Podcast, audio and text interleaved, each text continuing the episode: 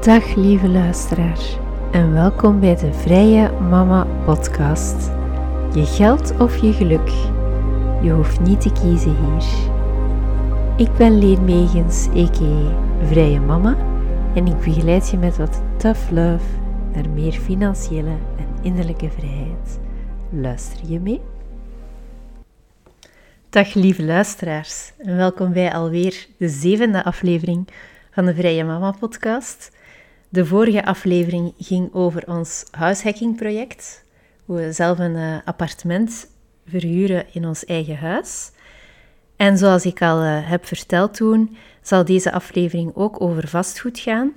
En is er bovendien een heel speciale gast in meerdere betekenissen in onze huiskamerstudio, namelijk mijn eigen man Bart, die toevallig ook hypothecaire kredieten-expert is in het dagelijks leven.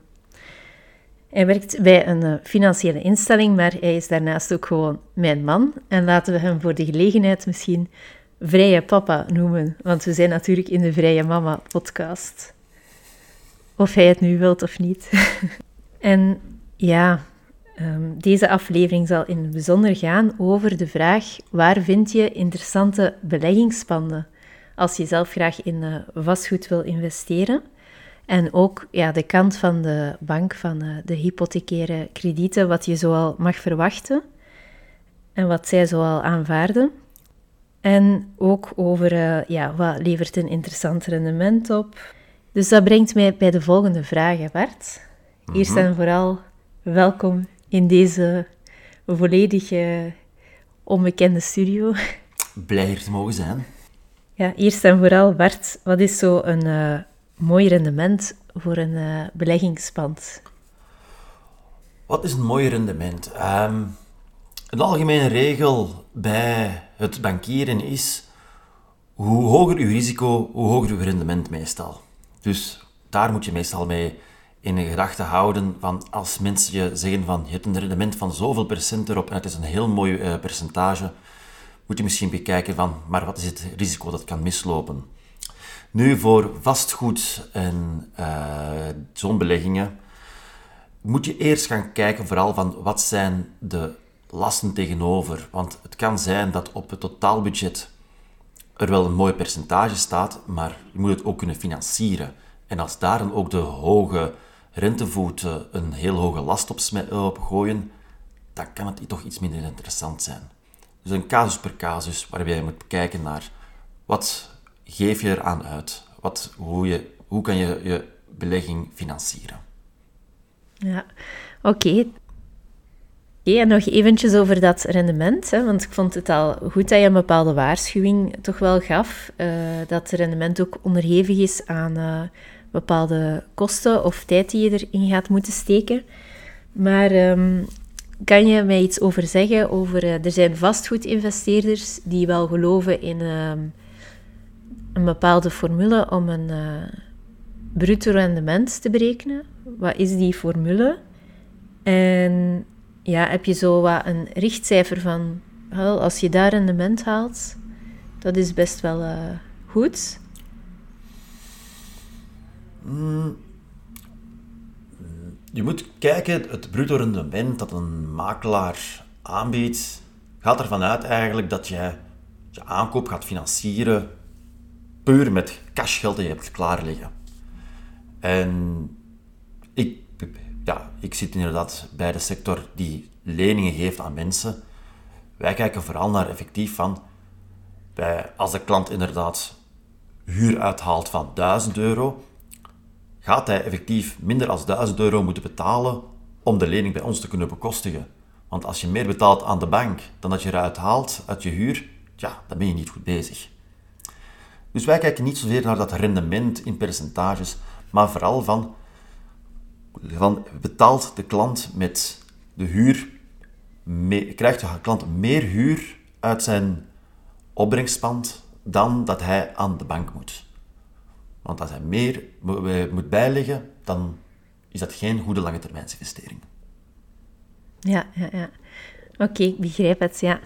Uh, wat ik bedoelde, hè, maar dat zal ook niet altijd um, kloppen, uiteraard, hangt ook af van de context, is um, als je de ehm, verwachte huuropbrengst van een jaar, wordt wel eens gezegd, deelt door de aankoopprijs van een pand, dat is het bruto rendement. Dat 5% bijvoorbeeld wel mooi is. Voor een oud huis, voor nieuwbouw 3%. Ja, oké. Ehm, en uh, ja, als je op zoek gaat, echt op huizenjacht gaat, voor een uh, interessant beleggingspand, uh, wat zijn enkele kenmerken waaraan dat je een interessante investering zou kunnen herkennen?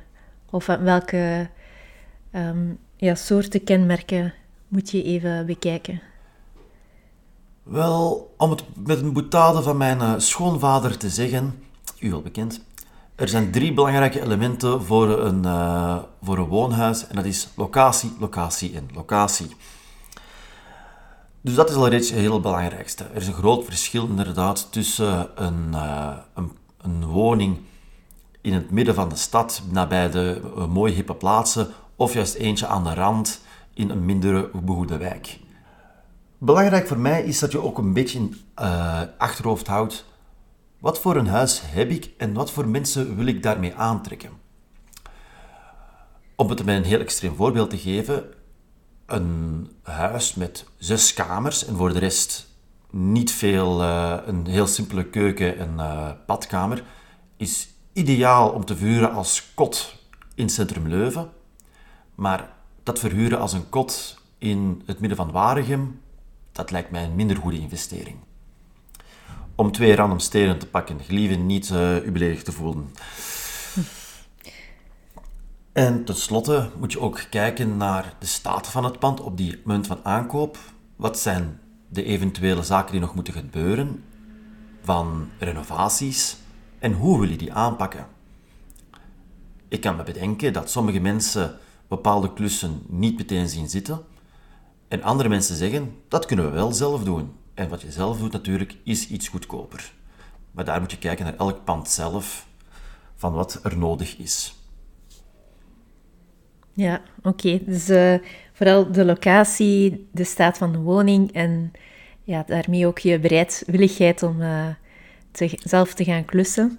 Of uh, je inschatting van hoeveel de werken zouden kosten. Mm -hmm. Um, en is het beter om in een ja, een opkomende buurt te investeren of een uh, buurt die nu al populair is? Uiteraard, als je kan weten dat deze buurt up opkomende is, dan is dat de betere investering. Uiteraard.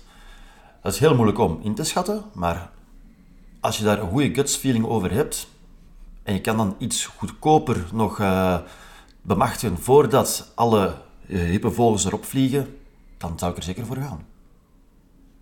Ja, oké, interessant.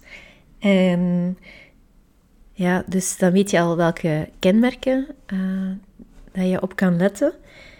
Maar wat zijn zoal uh, interessante kanalen om zo'n uh, pand te spotten? Het beste is om al voor de markt eigenlijk het al reeds te weten te komen. Als je inderdaad dat al oren te luisteren ligt, dan ga je wel vaak in je omgeving horen van oh, er komt een investering, er komt een mogelijk pand op de markt, mijn grootmoeder gaat verhuizen en we gaan het verkopen. Dan is het interessant om te proberen al reeds je voet tussen de deur te krijgen bij die verkoper voordat hij het op de markt brengt. Want eens je op de markt bent, moet je concurreren met ja, half de stad. Dus probeer je dat door die contacten te leggen in je bredere kring en eventueel ook al reeds bij mensen die daar professioneel mee bezig zijn, zoals makelaars en notarissen. Als je voor de online markt gaat kijken, dan kan je ook altijd je oog houden op Bidit, wat de site is van de notarissen, die daar openbare verkopen op uh, adverteren. Dat zijn zeer diverse uh, panden die daar worden aangeboden aan een iets lagere prijs als dat die in een verkoop tussen een koper en een verkoper normaal gebeuren. Omdat het heel vaak binnen gedwongen verkopen zijn. Mensen die een huis niet willen verkopen, maar het toch moeten doen. En daar kan je af en toe wel een deeltje mee doen. Je moet enkel uitkijken bij Bidit, dat is een openbare verkoop. Die prijs kan stijgen ten opzichte van de prijs die hier op de eerste dag staat. Moet je enkel gewoon voor jezelf uitmaken, tot deze prijs wil ik gaan en niet hoger. Mhm. Dus je niet laten meeslepen door uh, een uh, die gouden hoogte oploopt als je... Of niet uh, te emotioneel worden over ik moet dit pand hebben. Inderdaad. Een heel groot gevaar is dat je denkt van ik heb al zoveel in geïnvesteerd, ik heb al zoveel erop geboden, ik ga toch nog hoger. Maar nee, je hebt gewoon enkel maar een bod gedaan. En als je het niet haalt, dan is het gewoon jammer. En de volgende. Oké, een goede tip. Dus eigenlijk een grens in je hoofd houden, een maximumbedrag, om uh, je niet te laten meeslepen. Ja. Ja, dan uh, hebben we op een bepaald kanaal, bijvoorbeeld Bidit, een interessante vastgoedinvestering gevonden. We hebben een aantal criteria bekeken, zoals de locatie, de staat en dergelijke. En of dat uh, past in je vastgoedplannen, qua klusbereidheid en dergelijke. Nu komen we aan bij de volgende stap. Uh, stel, je hebt iets gevonden dat je wel graag wilt. Als investering, dan ga je naar uh, de bank moeten stappen of naar meerdere banken om geld te lenen. Want de meeste mensen kunnen dat niet zomaar cash leggen. Daarbij had ik ook enkele vragen. Als eerste, wat is volgens de bank een goede eigen inbreng? Uh, is dat hetzelfde als voor een eigen huis of is dat anders voor een investering? Of is er een algemene regel daarvoor?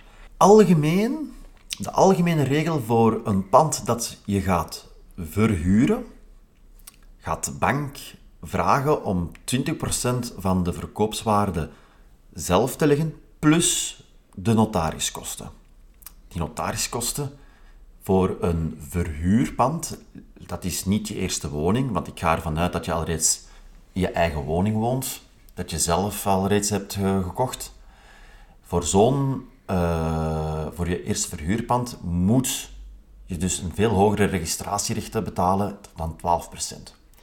Dus je mag toch al rekenen dat je inderdaad een goede 30, 35% eigen inbreng gaat moeten hebben ten opzichte van de aankoopprijs.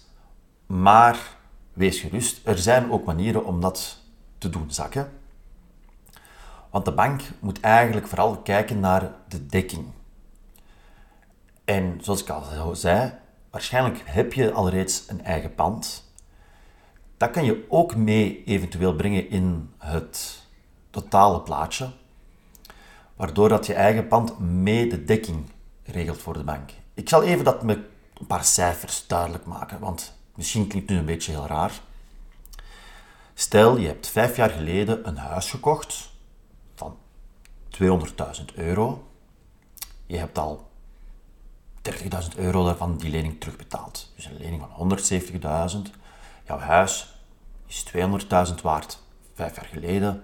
Ondertussen is die ook weer wat gestegen in waarde en is misschien nu 220.000 euro waard. Je wilt een nieuw huis kopen nu om te verhuren voor 200.000. Dan gaat de bank kijken, ah, die 200.000, jij moet 200.000 lenen, plus nog nat een groot deel van de notariskosten heb je ook nodig.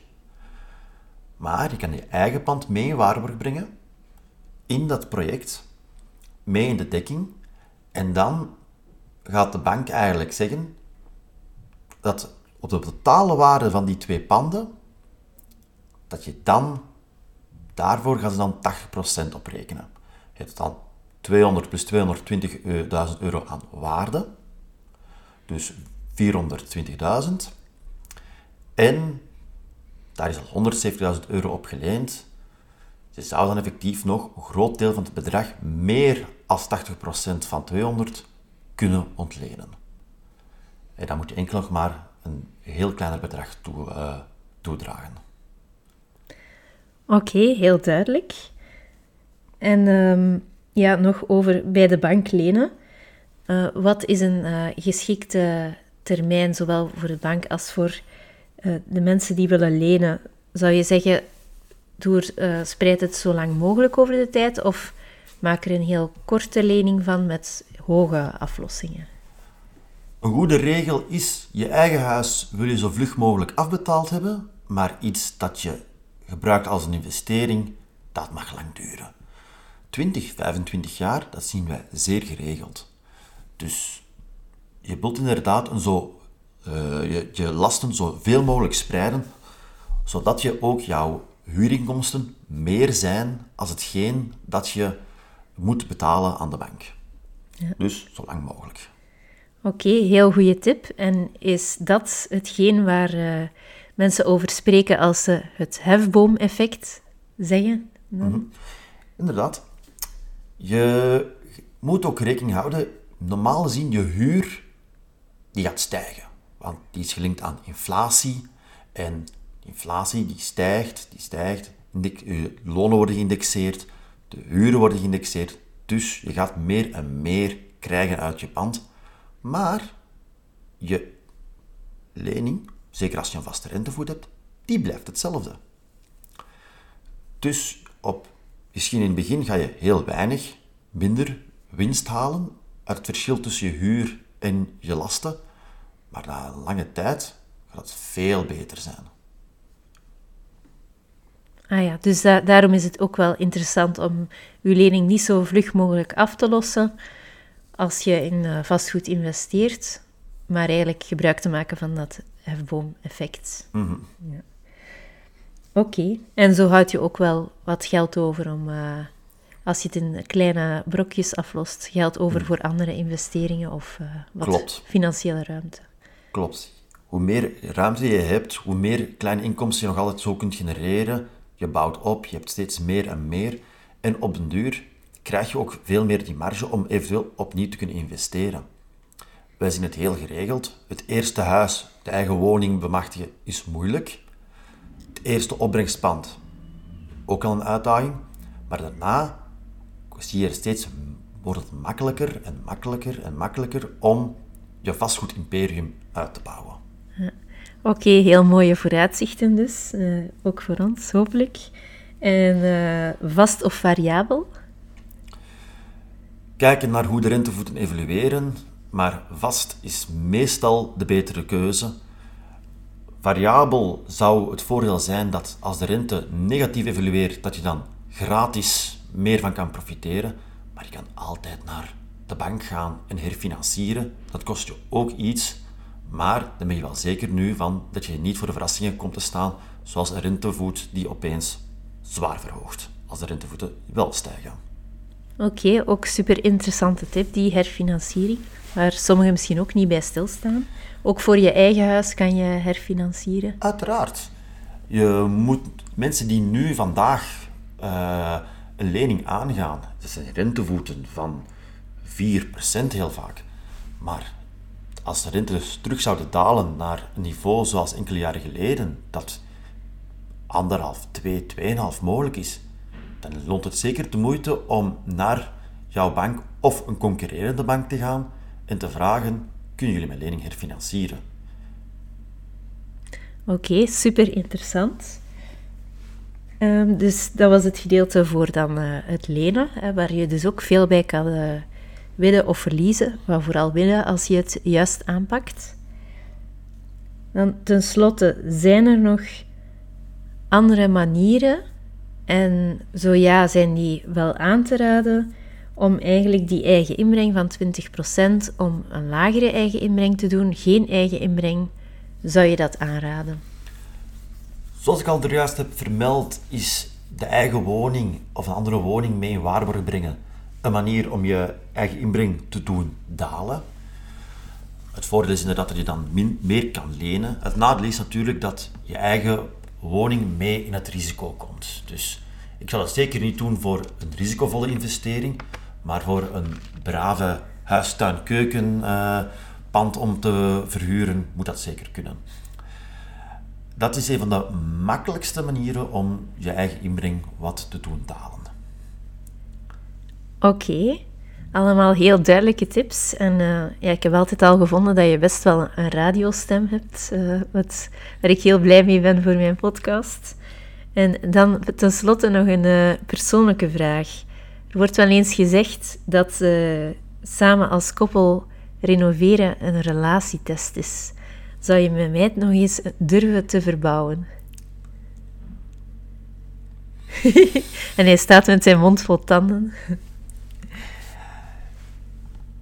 Ik ben heel blij mochten we een volgende renovatieproject doen, dat we dat samen kunnen doen, maar we gaan heel erg goede afspraken maken wie doet wat. Ik denk dat een aantal zaken men, jij veel beter kan als ik. Jij hebt veel meer smaak als ik in zaken sanitair en keukens. En ik zal veel meer mij bezighouden met hoe krijg ik deze mooie vloer weer kraak, mooi geschuurd, dat we elk onze eigen krachten kunnen toepassen.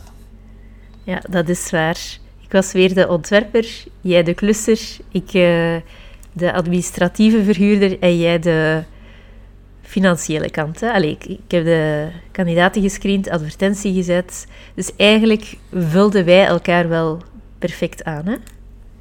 Inderdaad. En ik denk dat dat altijd in een relatie, als je samen met, een, met mensen een projectje aangaat, dat je elkaars moet, uh, goede kanten zo kunt versterken. Dat is waar. Ja, en een klein stressje bij een verbouwing uh, door uh, ja, uitstel van merken, wat te veel zitten vitten, dat hoort er natuurlijk ook een beetje bij. Vooral gewoon zien dat je nadien het allemaal weer goed maakt. Zeker eens dat de eerste huur binnenkomt, dat maakt heel veel goed. dat is waar.